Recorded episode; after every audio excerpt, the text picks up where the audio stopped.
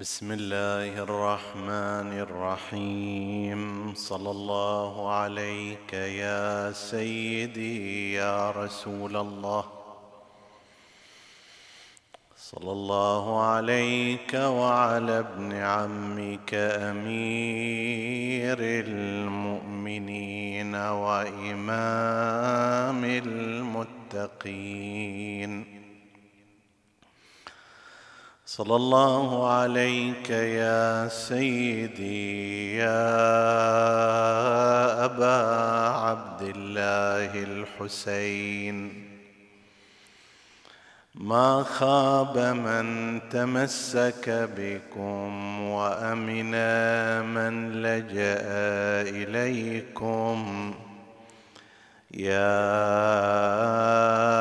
ليتنا كنا معكم فنفوز فوزا عظيما.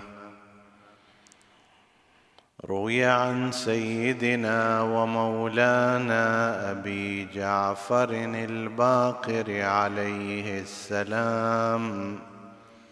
أنه قال لحديث في حلال وحرام تصيبه من صادق خير لك من الدنيا وما فيها. صدق سيدنا ومولانا أبو جعفر الباقر عليه السلام. عطروا مجالسكم بذكر محمد وآل محمد.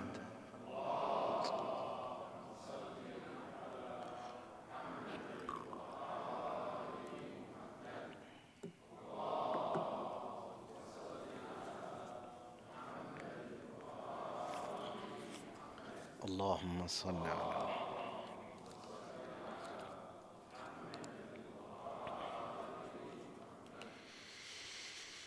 حديثنا بإذن الله تعالى يتناول شيئا عن الكافي الكتاب الشهير لثقة الإسلام الكليني رضوان الله عليه أحد الكتب الأربعة التي عليها مدار الاستنباط والاستدلال عند الشيعة الإمامية.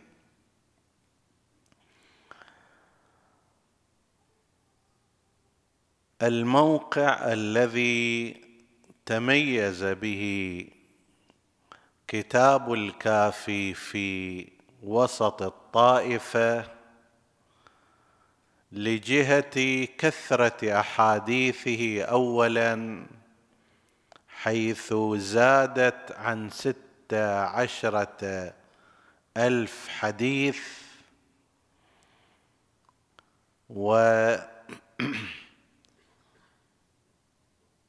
أيضا لجهة أنه أشبه بدورة كاملة في المعرفة الدينية تحتوي على العقائد والأصول وعلى الفقه والفروع وعلى الأخلاقيات والمواعظ.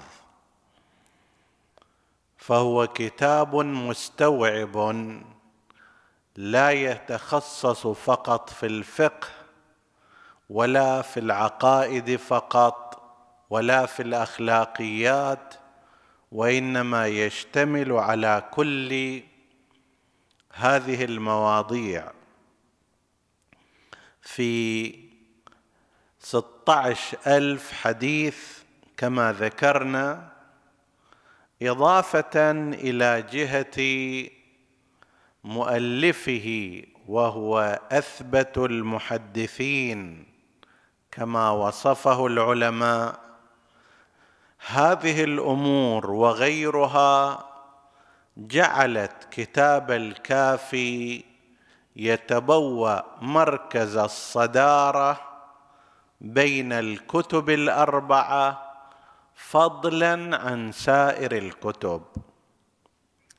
وبنفس المقدار أيضا توجهت إليه الشبهات والأسئلة والإعتراضات من قبل مخالفي المذهب. نحن هنا في حديثنا لا نريد أن نخوض نقاشا مع مخالفي المذهب. لاعتقادنا أن هذا النحو من النقاشات لا ينتهي إلى نتيجة. الطرف الآخر لا سيما المتعصب منه لا يقبل مذهبك من الأساس. فانت جيت تناقشه أن هذا الحديث صحيح أو ذاك الحديث ضعيف أو هذا ينفع ذاك لا ينفع هذا عبث من المناقشة. أصل المطلب يقبل أو لا يقبل؟ إذا كان صار اتفاق وكلام على الحديث من البداية من البداية يعني أصل حجية وسلامة الانتماء إلى مذهب أهل البيت عليهم السلام وأن نبينا المصطفى صلى الله عليه وآله قد جعل حديث الثقلين خارطة طريق للأمة وأن مرجعية وأن المرجعية الدينية هي في الكتاب وفي العترة وأن من تمسك بهذين معا نجا وأن من أغفل أحدهما سواء كان العتره أو الكتاب هلك. إذا يراد أن يكون هناك نقاش من هذه النقطة وهي النقطة الصحيحة. تماما مثلما إذا أردت أن وأنت مسلم أن تناقش مسيحيا. لا يصح أن تناقش المسيحي أو أن يناقشك مثلا أنت تناقشه في أن هذا البسكوت المغموس في النبيذ مثلا الذي يؤخذ في بعض الحالات صحيح لو مو صحيح. أو هو يناقشك أن رمي الجمار والطواف حول الكعبة صحيح لو لا. هالنحو من النقاشات غير سليمة؟ الصحيح أن تناقشه من الأعلى. هل يصح الاعتقاد بالتثليث أو لا بد من الاعتقاد بالتوحيد؟ فإذا تسالمنا على الاعتقاد بالتوحيد فيما بعد الأمور تكون يسيرة وسهلة. وأما إذا لم نتفق من الأعلى فلا معنى لأن تناقشني في الطواف وفي الصلاة خمس أوقات أو غير ذلك ولا أنا أناقشك في أنه ليش بس تروح الكنيسة يوم الأحد. كذلك بالنسبة إلى الحوار بين المذاهب لا يصح أن يناقشني أحد في زواج المتعة مثلا. لا يصح أن تناقشني في أن فلان حديث في فلان كتاب ضعيف أو أنا أناقشه أنه مثلا رأيكم في موضوع صلاة المسافر أنه ضعف المسافة التي نقطعها نحن هذا غير صحيح. النقاش الاصلي ينبغي أن يكون من الأعلى. هل هناك شرعية لاتباع غير أهل البيت عليهم السلام لو هذا غير مشروع. ولهذا نحن عندما نتحدث ونشير إنما فقط لكي نزيد الإخوة المؤمنين تنبيها على بعض الأمور التي ربما تحتاج إلى تذكير أو إلى تنبيه.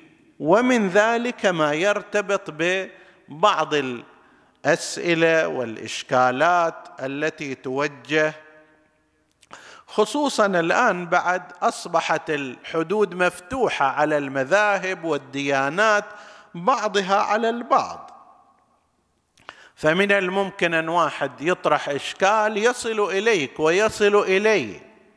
يبقى بالتالي هذا سؤال إحنا عندما نجيب لا أقل بالنسبة للمتكلم أنا لا أنتظر من ذلك الطرف أن يقتنع بكلامي ولا أتوجه إليه لا من باب الاحتقار معاذ الله وإنما لأنني أجد أن هذا النوع من الحوار غير مجدي إنما التزم ذلك الطرف بهذا المذهب بناء على قناعات معينة والتزم هذا الطرف بهذا المذهب بناء على قناعات معينة.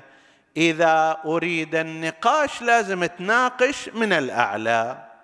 لكن لكل واحد الحق في تثقيف نفسه أو أتباع مذهبه وتحصين هذا من ما يرد من الشبهات.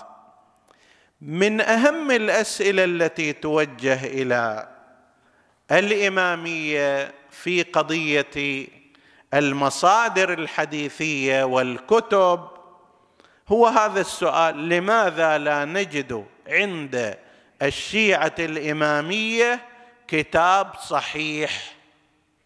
نحن نجد مدرسة الخلفاء عندهم صحاح مشهورة مثل صحيح البخاري ومسلم صحاح غير مشهورة مثل صحيح ابن حبان.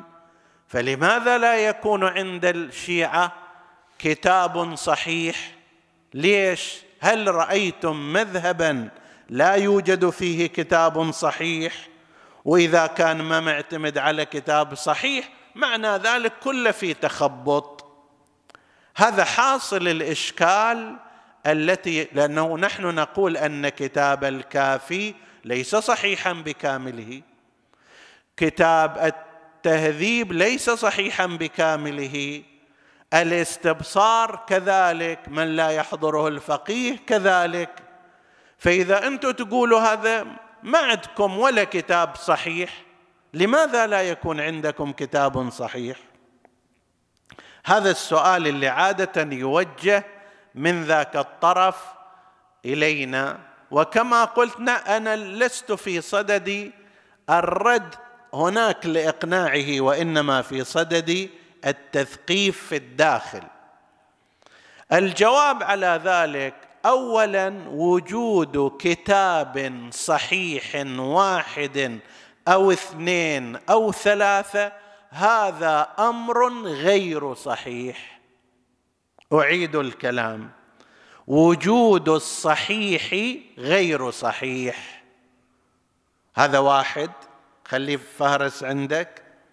اثنين وجود كتاب صحيح لمدرسة فقهية غير ممكن. ثلاثة شيعة أهل البيت عندهم كتب صحيحة ولكن لا يعتنون بها ولا يعتبرون بها وليس لها الموقع الكبير في داخل الساحة العلمية. هذا باختصار وأما التفصيل بعد الصلاة على محمد وآل محمد.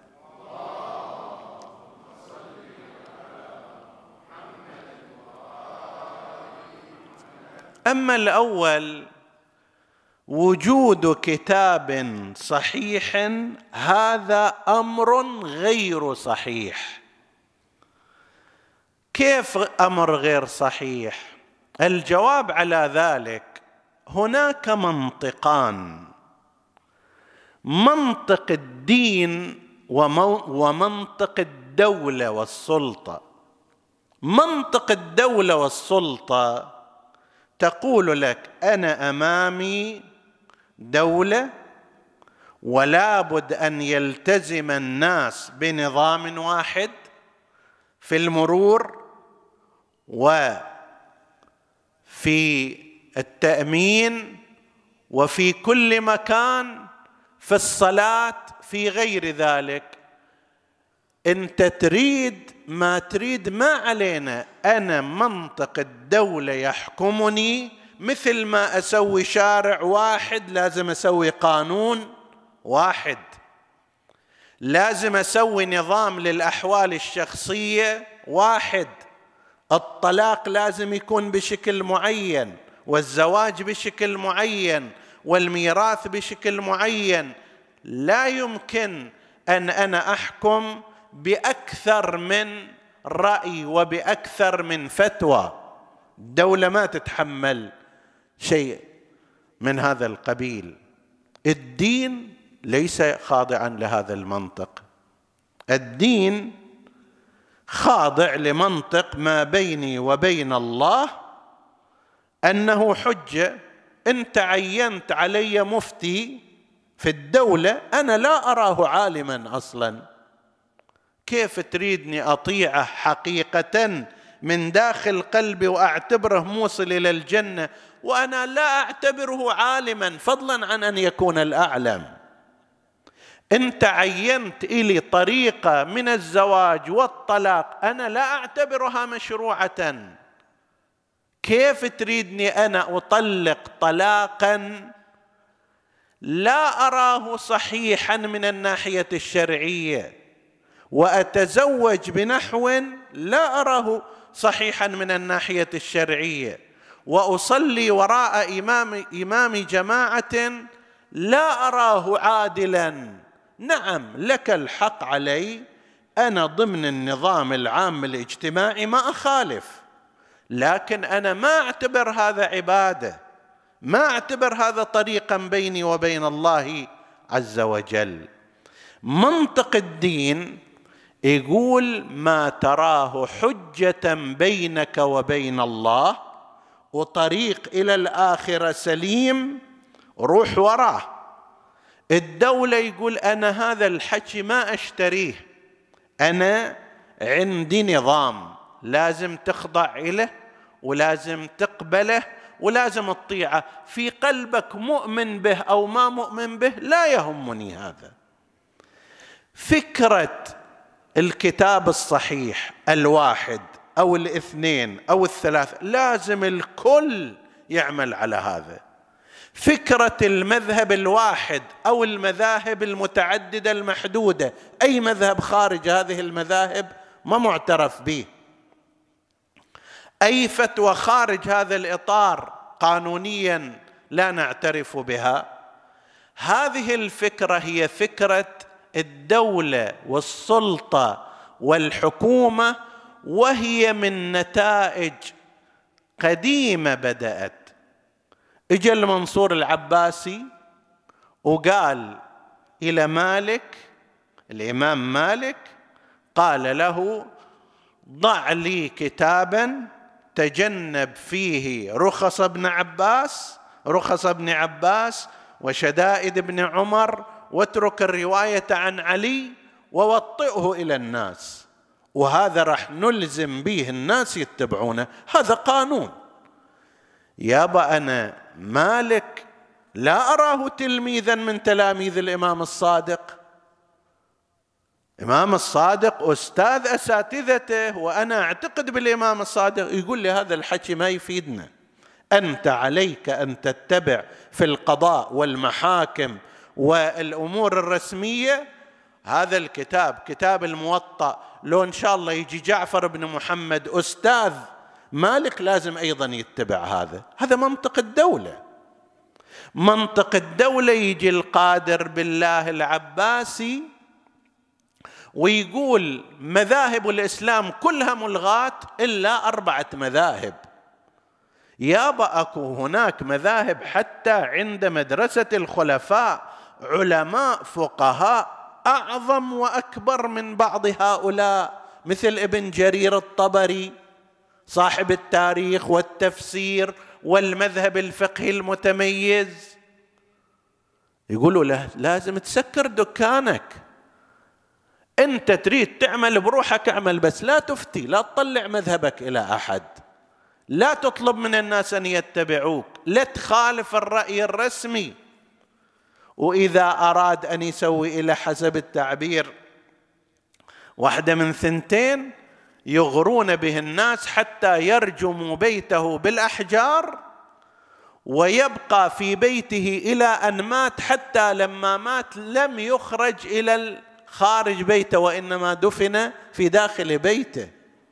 ما يصير تخالف انت القانون العام. اكو عندنا مذاهب محددة حددتها الدولة الباقي كله باطل. يابا أنا ما أعتقد بهذه المذاهب أنها صحيحة.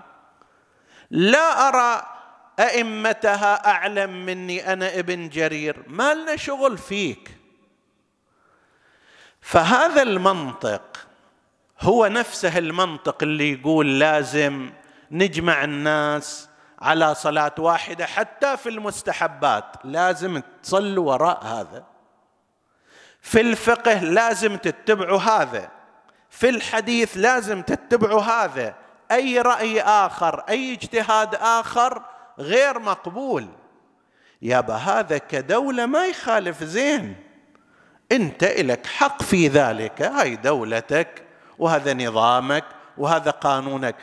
بس ذاك الصوب هذه آخرة هذه جنة. أنا ما أعتقد هذا الطريق اللي يمشي فيه مفتيك الرسمي أو إمام مذهبك.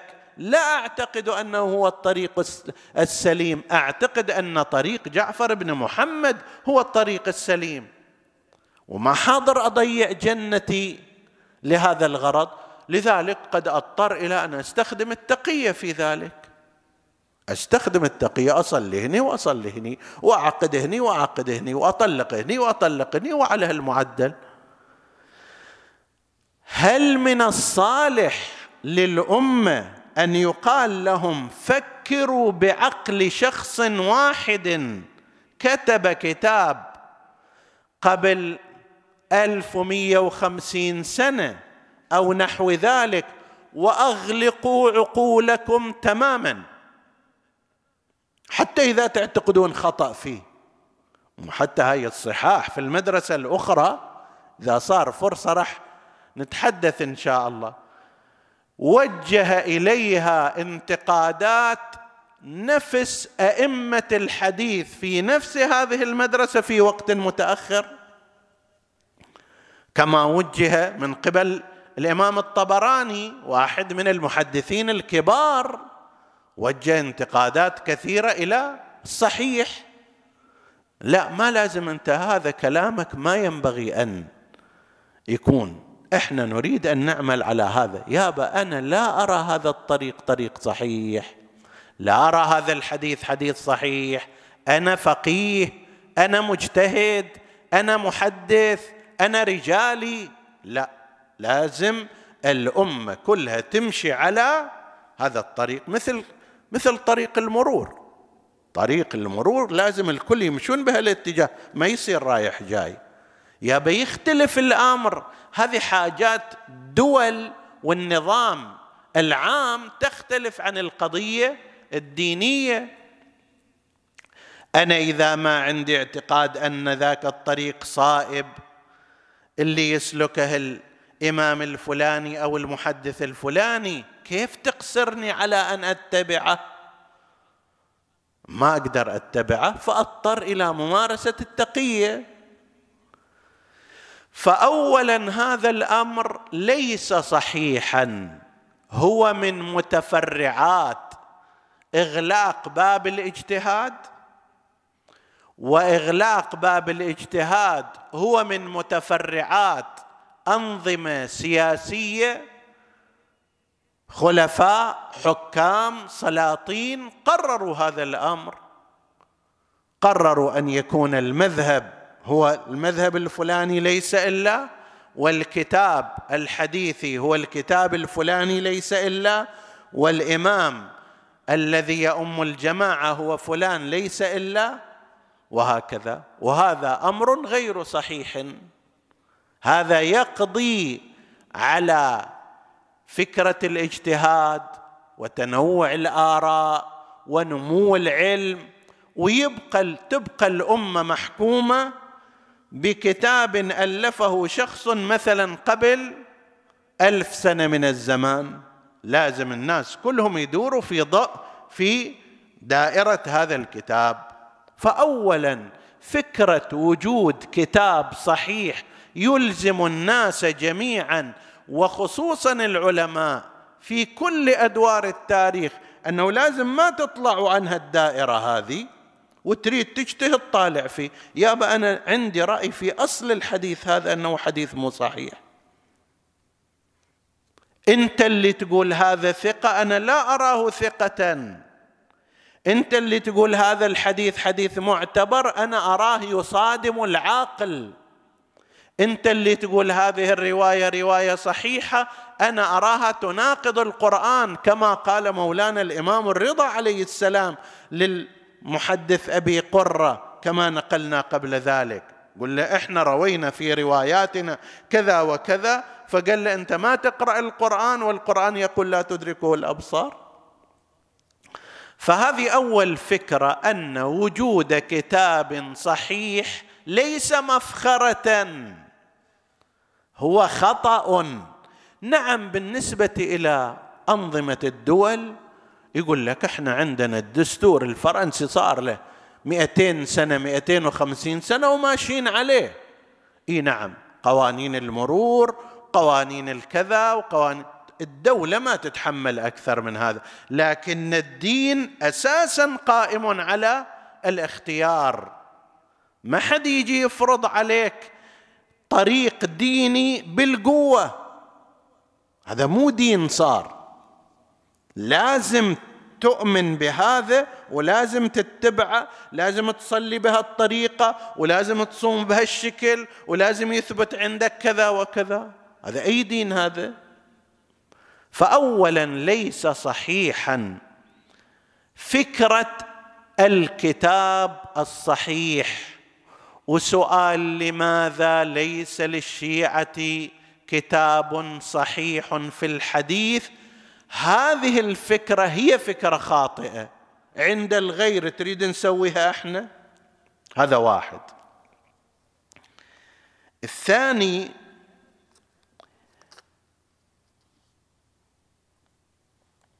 أن هذا غير ممكن أصلا. كتاب صحيح هذا غير ممكن. مستحيل. كيف مستحيل؟ كتاب صحيح معناه كتاب معصوم. صحيح ولا لا؟ لا خطأ فيه. هذا يعني استثني القرآن الكريم لأن الله سبحانه وتعالى تكفل بحفظه وقال وإنا له لحافظون. هذا معناه أن إنسان عادي ناقص غير معصوم غير كامل يستطيع إنتاج كتاب كامل معصوم صحيح بالكامل. وهذا أمر مستحيل. الناقص لا يمكن أن ينتج شيئا كاملا. نعم لو المعصوم سواه باعتبار أنه معصوم ينتج شيئا معصوما. أما إنسان غير معصوم الكليني البخاري غيرهما هؤلاء ليسوا ليس معصومين.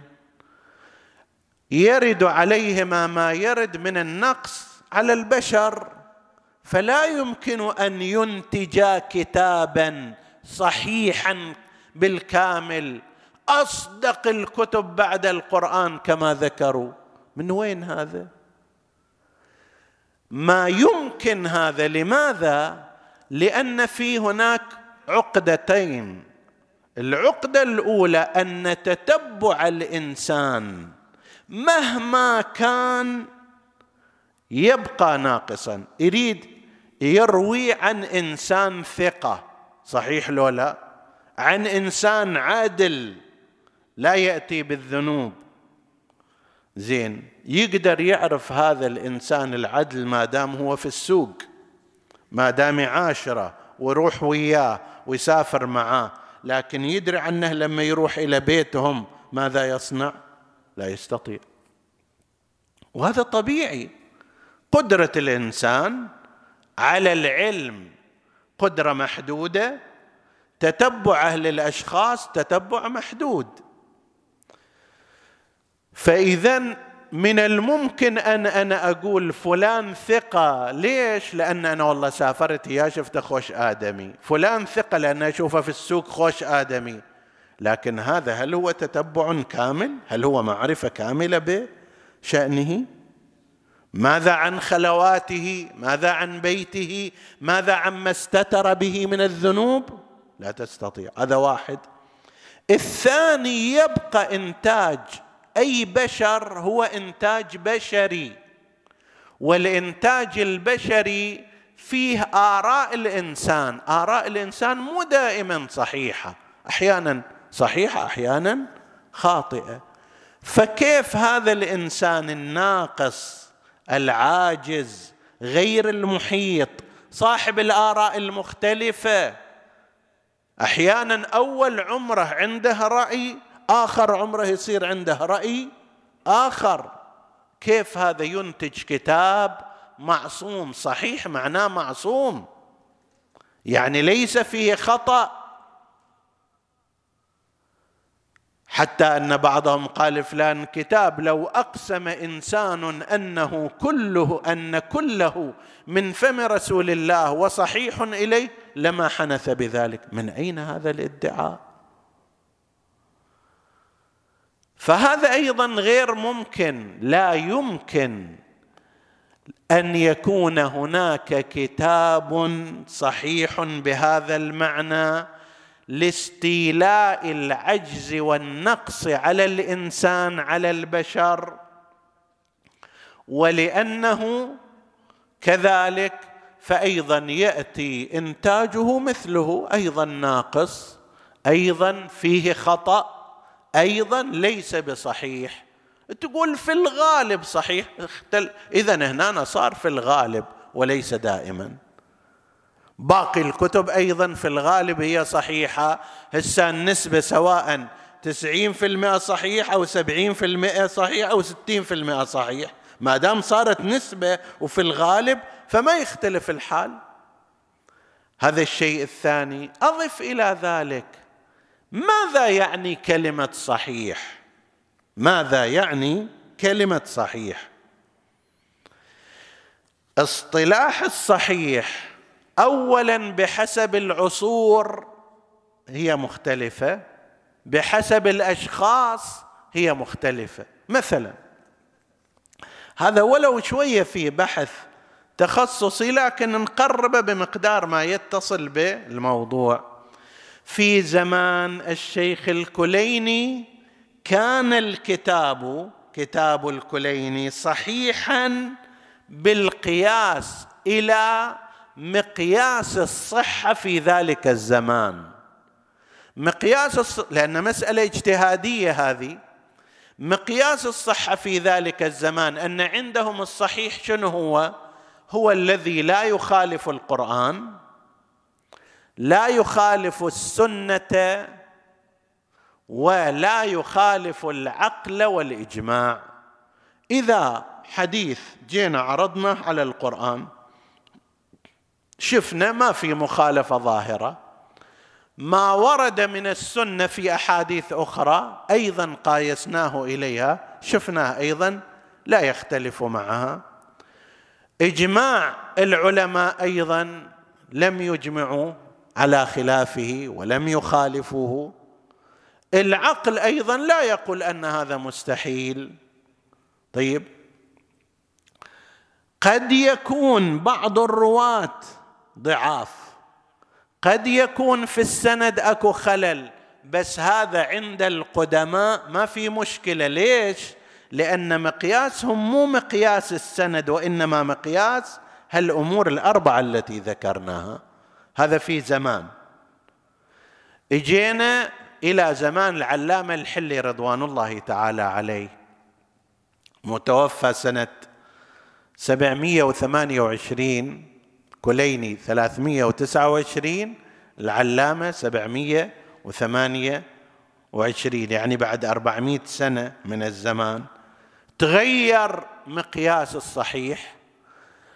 العلامة الحلي تبعا لأستاذي السيد ابن طاووس بس اللي شيد هالمسلك العلامة الحلي قال لا الصحيح مو هذا الصحيح عندنا الإمامية هو ما رواه الإمامي الثقة أو العادل عن مثله إلى المعصوم.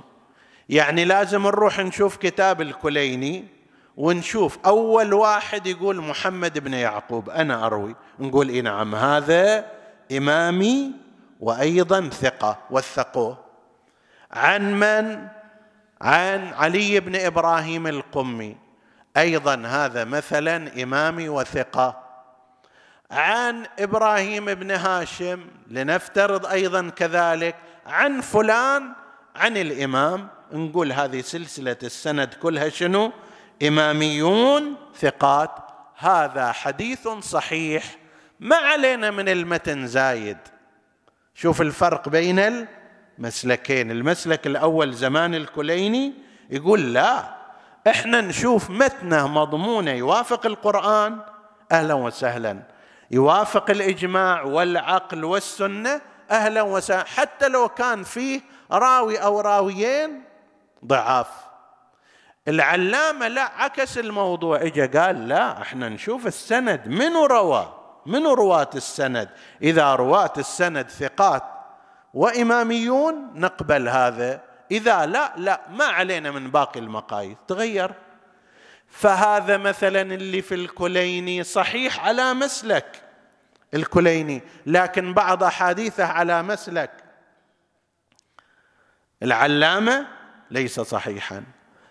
إجينا في زمان متأخر عندما برزت المدرسة الأخبارية. إن شاء الله نتحدث إحنا في ليلة من الليالي عن المصادر الحديثية الكبرى التي اهتم بها علماء علماؤنا الأخباريون. شنو الفرق بينهم وبين غيرهم؟ الآن مو حديثنا. بس لما جاء علماء المدرسة الأخبارية قالوا أساسا أحاديث الكتب الأربعة كلها يجوز العمل بها. كل هذه الأحاديث بقرائن معينة بأدلة معينة أقاموها تعرض إليها بشكل مفصل الحر العاملي رضوان الله تعالى عليه في الوسائل. حاصلها أن الموجود في كتب في كتاب الكليني الموجود في كتاب من لا يحضره الفقيه في كتاب التهذيب في الاستبصار هذه كلها يجوز العمل بها. زين فيها أحاديث متعارضة متخالفة ضعيفة كذا كذا. يقولوا هذه بعد شغلة الفقيه يعرف وجوه الجمع بينها وإلا هذه لكثرة ما عمل عليها واشتغل فيها. هذه كلها أحاديث من أصول ومصادر معتبرة وبعضها معروض على الأئمة عليهم السلام. هذا المسلك الثالث هم يختلف مع العلامة وهم يختلف مع من؟ مع مثل مسلك الكليني والقدماء. اجينا إلى فترة متقدمة أخرى صار المشهور عند الشيعة مو هالشكل. قالوا المش قال مشهور العلماء عند الشيعة إحنا نجي نشوف الحديث فما وثقنا بصدوره عن المعصوم بقرائن مختلفة. من القرائن أن سنده صحيح. من القرائن أنه موجود في الكتب الأربعة. من القرائن أنه عمل به العلماء الأقدمون. من القرائن كذا كذا. إذا اجتمعت هذه في رواية اعتبرناها صحيحة ونستطيع العمل بها. هذا صار مختلف أساسا عن شنو؟ عن تلك المسالك. فنجي نتساءل لما نريد نسوي كتاب صحيح على أي مسلك من المسالك؟ على المسلك الأول؟ خب عند جماعة المسلك الثاني هذا مو صحيح. نعم إذا في دولة تجي تقول هذا هو الكتاب الصحيح بس وأي واحد ما إلى حق آخر حق أن يجتهد ولا يكون عنده مسلك ثاني ولا رأي ثاني واللي ما يريد يدق براس الطوف إذا هالشكل أكو دولة خلاص.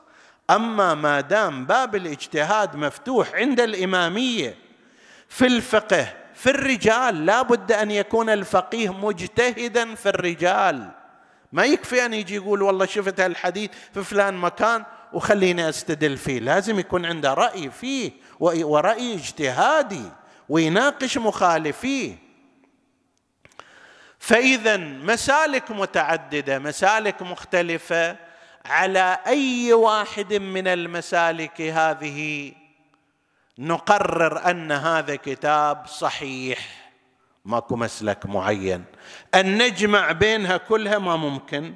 على مسلك واحد راح يقول زين هذا على ذاك المسلك صحيح أنا مسلكي مختلف رأيي مختلف فهذا بالنسبة لي ليس صحيحا. وهذا اللي راح نجاوب عليه في الإجابة الثالثة أنه هناك كتب صحيحة عند الإمامية بس لم تأخذ موقعها لهالأسباب التي ذكرت ولأمثالها. مثال العلامة المجلسي رضوان الله تعالى عليه صاحب بحار الأنوار وهو رجل خبير في الحديث شرح كتاب الكافي في كتاب سماه مرآة العقول في شرح أخبار آل الرسول. شرح وعنون كل حديث بصفته. مثلا الكليني فوق يقول حديث فلان عن فلان عن فلان عن فلان من زاد في صلاته فعليه الإعادة يكتب تحت المجلسي صحيح مثلا. أو إذا شاف حديث فيه سنده مو تمام يقول ضعيف. إذا شاف أحد الرواة ما معلوم حاله يقول مجهول. إذا شاف منقطع عن الإمام يقول مرسل. فسوى هذا تقريبا حصل إلى ستة آلاف وكذا من أحاديث الكليني عنونها بعنوان صحيح. موجود هذا الكتاب مطبوع لكنه لا يتعامل معه الإماميون على أنه صحيح الكافي. ليش؟ لأن إذا واحد من علمائنا المعاصرين المجتهدين يريد يجي هو مو مقلد للمجلس حتى يأخذ بكلامه. يقول هذا رأي المجلسي ملزم إلى أتباعه في ذلك الزمان. سنة 1100 وكذا. أنا رأيي مختلف معه. لا أقبل كلامه أن هذا الحديث ضعيف. أنا أقدر أقويه بطرق أخرى. أنا أساسا مسلكي مو مسلك أن أبحث في السند. أنا مسلكي مسلك الوثوق بالصدور. بقرائن أخرى أستدل على أن هذا الحديث اللي عند المجلس ضعيف عندي يجوز العمل به.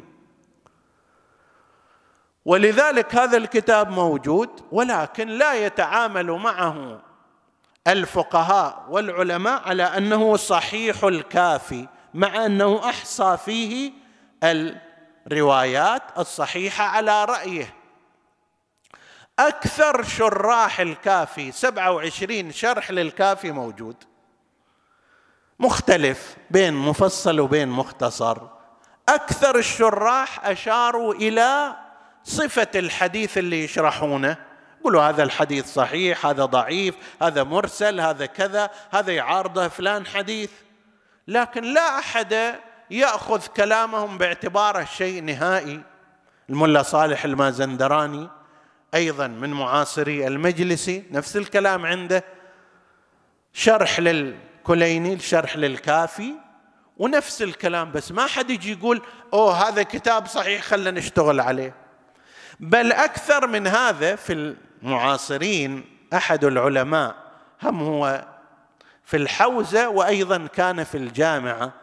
شيخ محمد باقر البهبودي توفي قبل ست سنوات طبع كتابا باسم صحيح الكافي لعله قبل حوالي عشرين سنة وانطبع هذا الكتاب فلم يقابل هذا الكتاب بالاستقبال اللي يتوقعه الناس.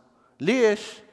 لأنه أي واحد من الفقهاء يستطيع أن يقول هاي اللي أنت سجلتها وخليت الكافي حوالي ثلثة صحيح هذا على رأيك أنت مو على رأيي أنا.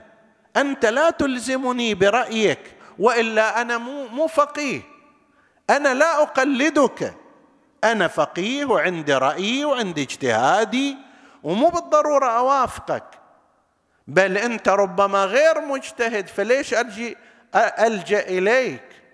ثم على مسلك من أنت تقول هذا صحيح؟ على مسلك الكليني؟ لو على مسلك العلامة الحلي؟ لو على مسلك المدرسة الأخبارية؟ لو على مسلك الوثوق الصدوري؟ لو على مسلك من؟ فيوجد عندنا أيضا مثل هذه. مرحوم الشيخ آصف محسني أحد المجتهدين في زمانه وقد أبنته المرجعية العليا عندما توفي قبل سنتين وهو من الأعاظم وتلامذة النائين والعراقي وأمثالهم والخوئي.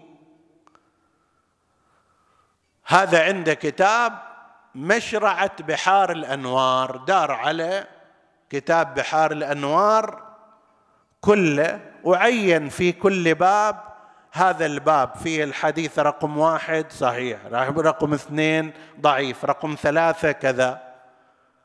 جهد بذل كبير لكن أي واحد من الفقهاء اللي بجنبه أو إلى صفه يقول له هذا على رأيك أنت بس هذا ما يلزمني أنا.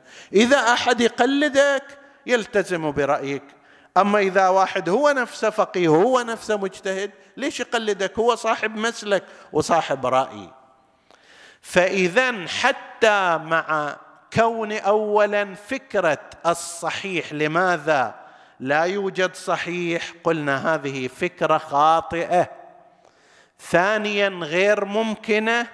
ثالثا وجد في الطائفة كتب من هذا النوع لكنها لم تلقى استجابة وذلك لوجود الاختلاف في المسالك الاجتهادية. نعم سكر باب الاجتهاد من ذاك الصوب قل لهم ماكو أحد له حق أن يجتهد أصلا.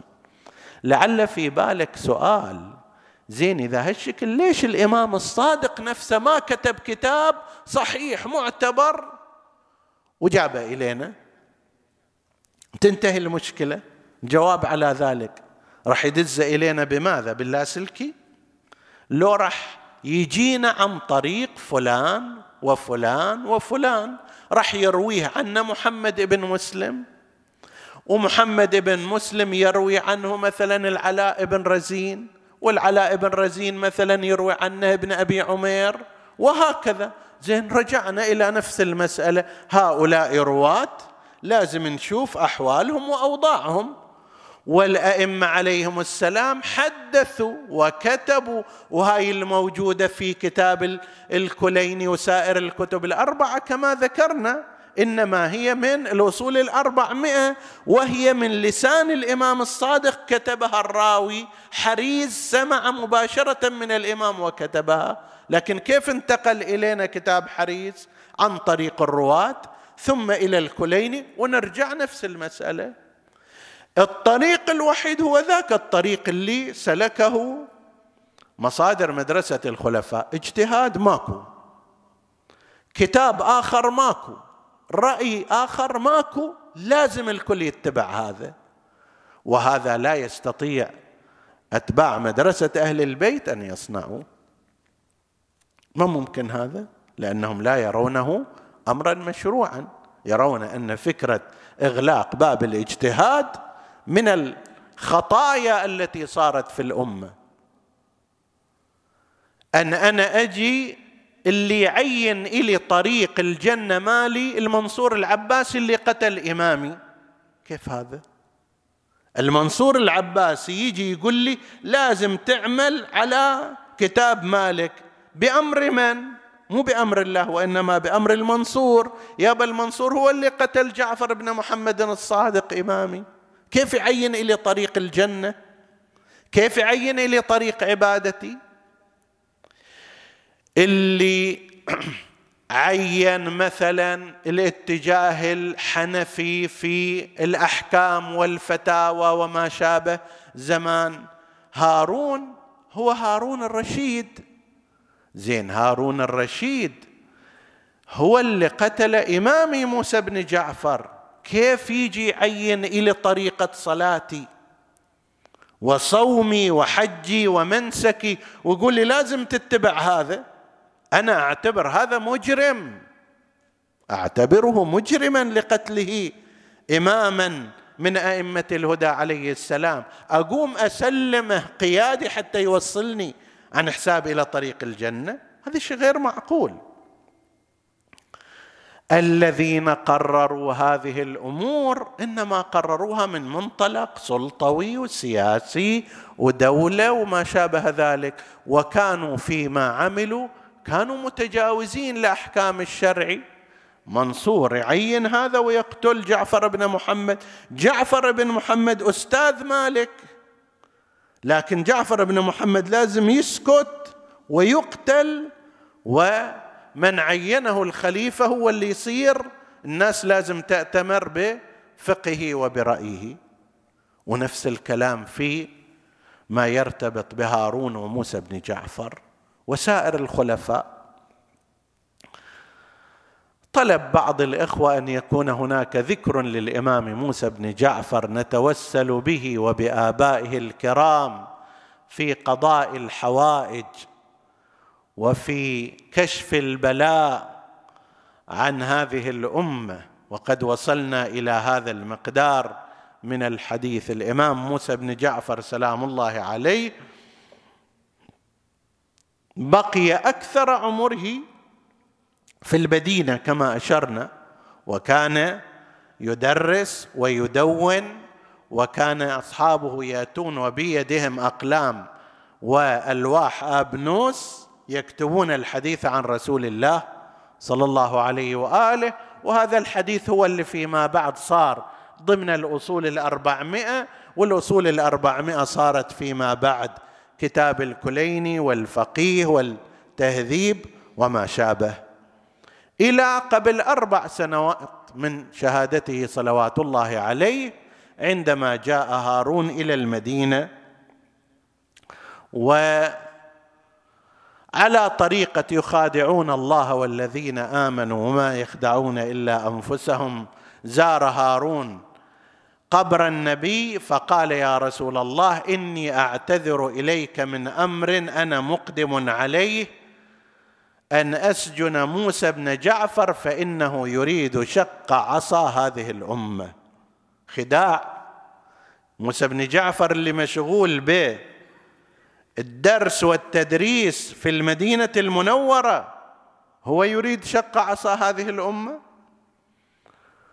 والخديعة أنه يجي يعتذر إلى رسول الله كأن الله لا يعلم بما هو مقبل عليه ولا أن رسول الله يعلم أو ينطلي عليه ما قيل. وبالفعل أمر باعتقال الإمام عليه السلام في تلك السفرة المشؤومة وأخذ الإمام عليه السلام إلى البصرة إلى سجن البصرة. وسجنه عند والي البصرة من أفراد البيت العباسي. الإمام هناك أيضا في شغله قائم الليل وصائم النهار وإذا أحد أراد أن يجي يستفسر ويستفهم عن قضايا الدين يجيبه كما ذكرنا عن ياسين الضرير. هذا الوالي بعد أشهر قريب من سنة أرسل إلى هارون أنه أنا لم ارى من موسى بن جعفر إلا أنه يصوم نهاره ويقوم ليله. حتى ذكر لا يذكركم بسوء. فأنت إذا ما ترسل اله أحد يأخذه مني أنا متحرج أن أستمر في سجنه.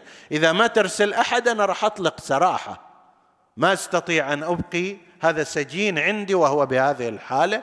فأرسل هارون بالفعل واحد وأخذ الإمام إلى بغداد. في بغداد اولا سجن في سجن الفضل بن الربيع. والفضل رأى من الإمام نفس ما رآه ذلك العباسي فكان يحاول حتى بعض الأحيان يقول لهارون ترى هذا الشكل يطلع عليه في الضحى يشوفه ساجد سجدته الطويلة يقول له فلم لا تطلقه؟ يقول له لا لا بد من ذلك لا بد أن يبقى في السجن هذا. ثم أحاله إلى سجن الفضل ابن يحيى البرمكي ونفس الكلام الفضل بن يحيى البرمكي خفف عليه القيود لما رآه من عبادته وتهجده. فجلد الفضل بن يحيى مئة جلدة ليش خففت على موسى بن جعفر؟ إذا هذا جلد مئة جلدة لأنه خفف كيف كان حال الإمام نفسه؟ لكن الشدة الكبرى كانت عندما أحيل إلى سجن السندي بن شاهك لعنة الله عليه ولا سيما في الفترات الأخيرة عندما جعل في ذلك السجن المظلم وانتهى به الأمر إلى أن يتوسل إلى الله بأن يخلصه مما هو فيه وأن يدعو يا مخلص الماء يا مخلص الشجر من بين ماء وطين ومخص ومخلص اللبن من بين فرث ودم. خلصني من سجن هارون. فكان خلاص الإمام بما كان يريد من لقاء ربه ولقاء أجداده الطاهرين. عندما دسوا إليه سما نقيعا في رطب فقضى نحبه مسموما مظلوما مسجونا. أيوا إماماه وسيداه. عالجوا لا اجوا قضى نحبه غريب. عالجوا لاجوا قضى نحبه غريب ولا حضار يم صحابة ولا قريب. عقب قيده وحديده وذيك الأغلال دسل برطاب سمناقع وشتال أكل منا ومنا نال ما نال. حسبكم قال نلت اللي تريدون. قضي على إمامنا بالسم في داخل السجن. ثم رفعت جنازته على أربعة حمالين.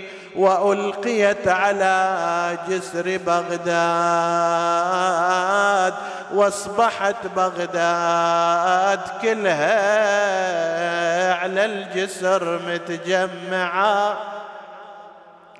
هذا متشمت وهذا فوق خده مدمع. والجنازة ويح قلبي على حمامي الأربعة. فوق ذاك الجسر مدوم وهجتك يا مرتضى. وقف يم جنازته ابن سويد وياه الطبيب. شال شفيده وشمه وارتفع من النحيب. قال هذا من عشيرة لو بلدتكم غريب. كان تسأل عن سبب موته ترى بالسم قضى. نسألك اللهم وندعوك باسمك العظيم الأعظم. الأعز الأجل الأكرم يا الله. اغفر لنا ذنوبنا كفر عنا سيئاتنا. آمنا في أوطاننا لا تسلط علينا من لا يخافك ولا يرحمنا. ولا تفرق بيننا وبين محمد وآله طرفة عين. احفظ اللهم إخواني السامعين فردا فردا واقض حوائجهم. اشف اللهم مرضاهم وادفع اللهم هذا الوباء والبلاء عن عبادك يا رب العالمين. تقبل اللهم عمل المؤسسين بأحسن القبول إلى أرواح موتاهم وموت السامعين. نهدي ثواب الفاتحة تسبقها الصلوات.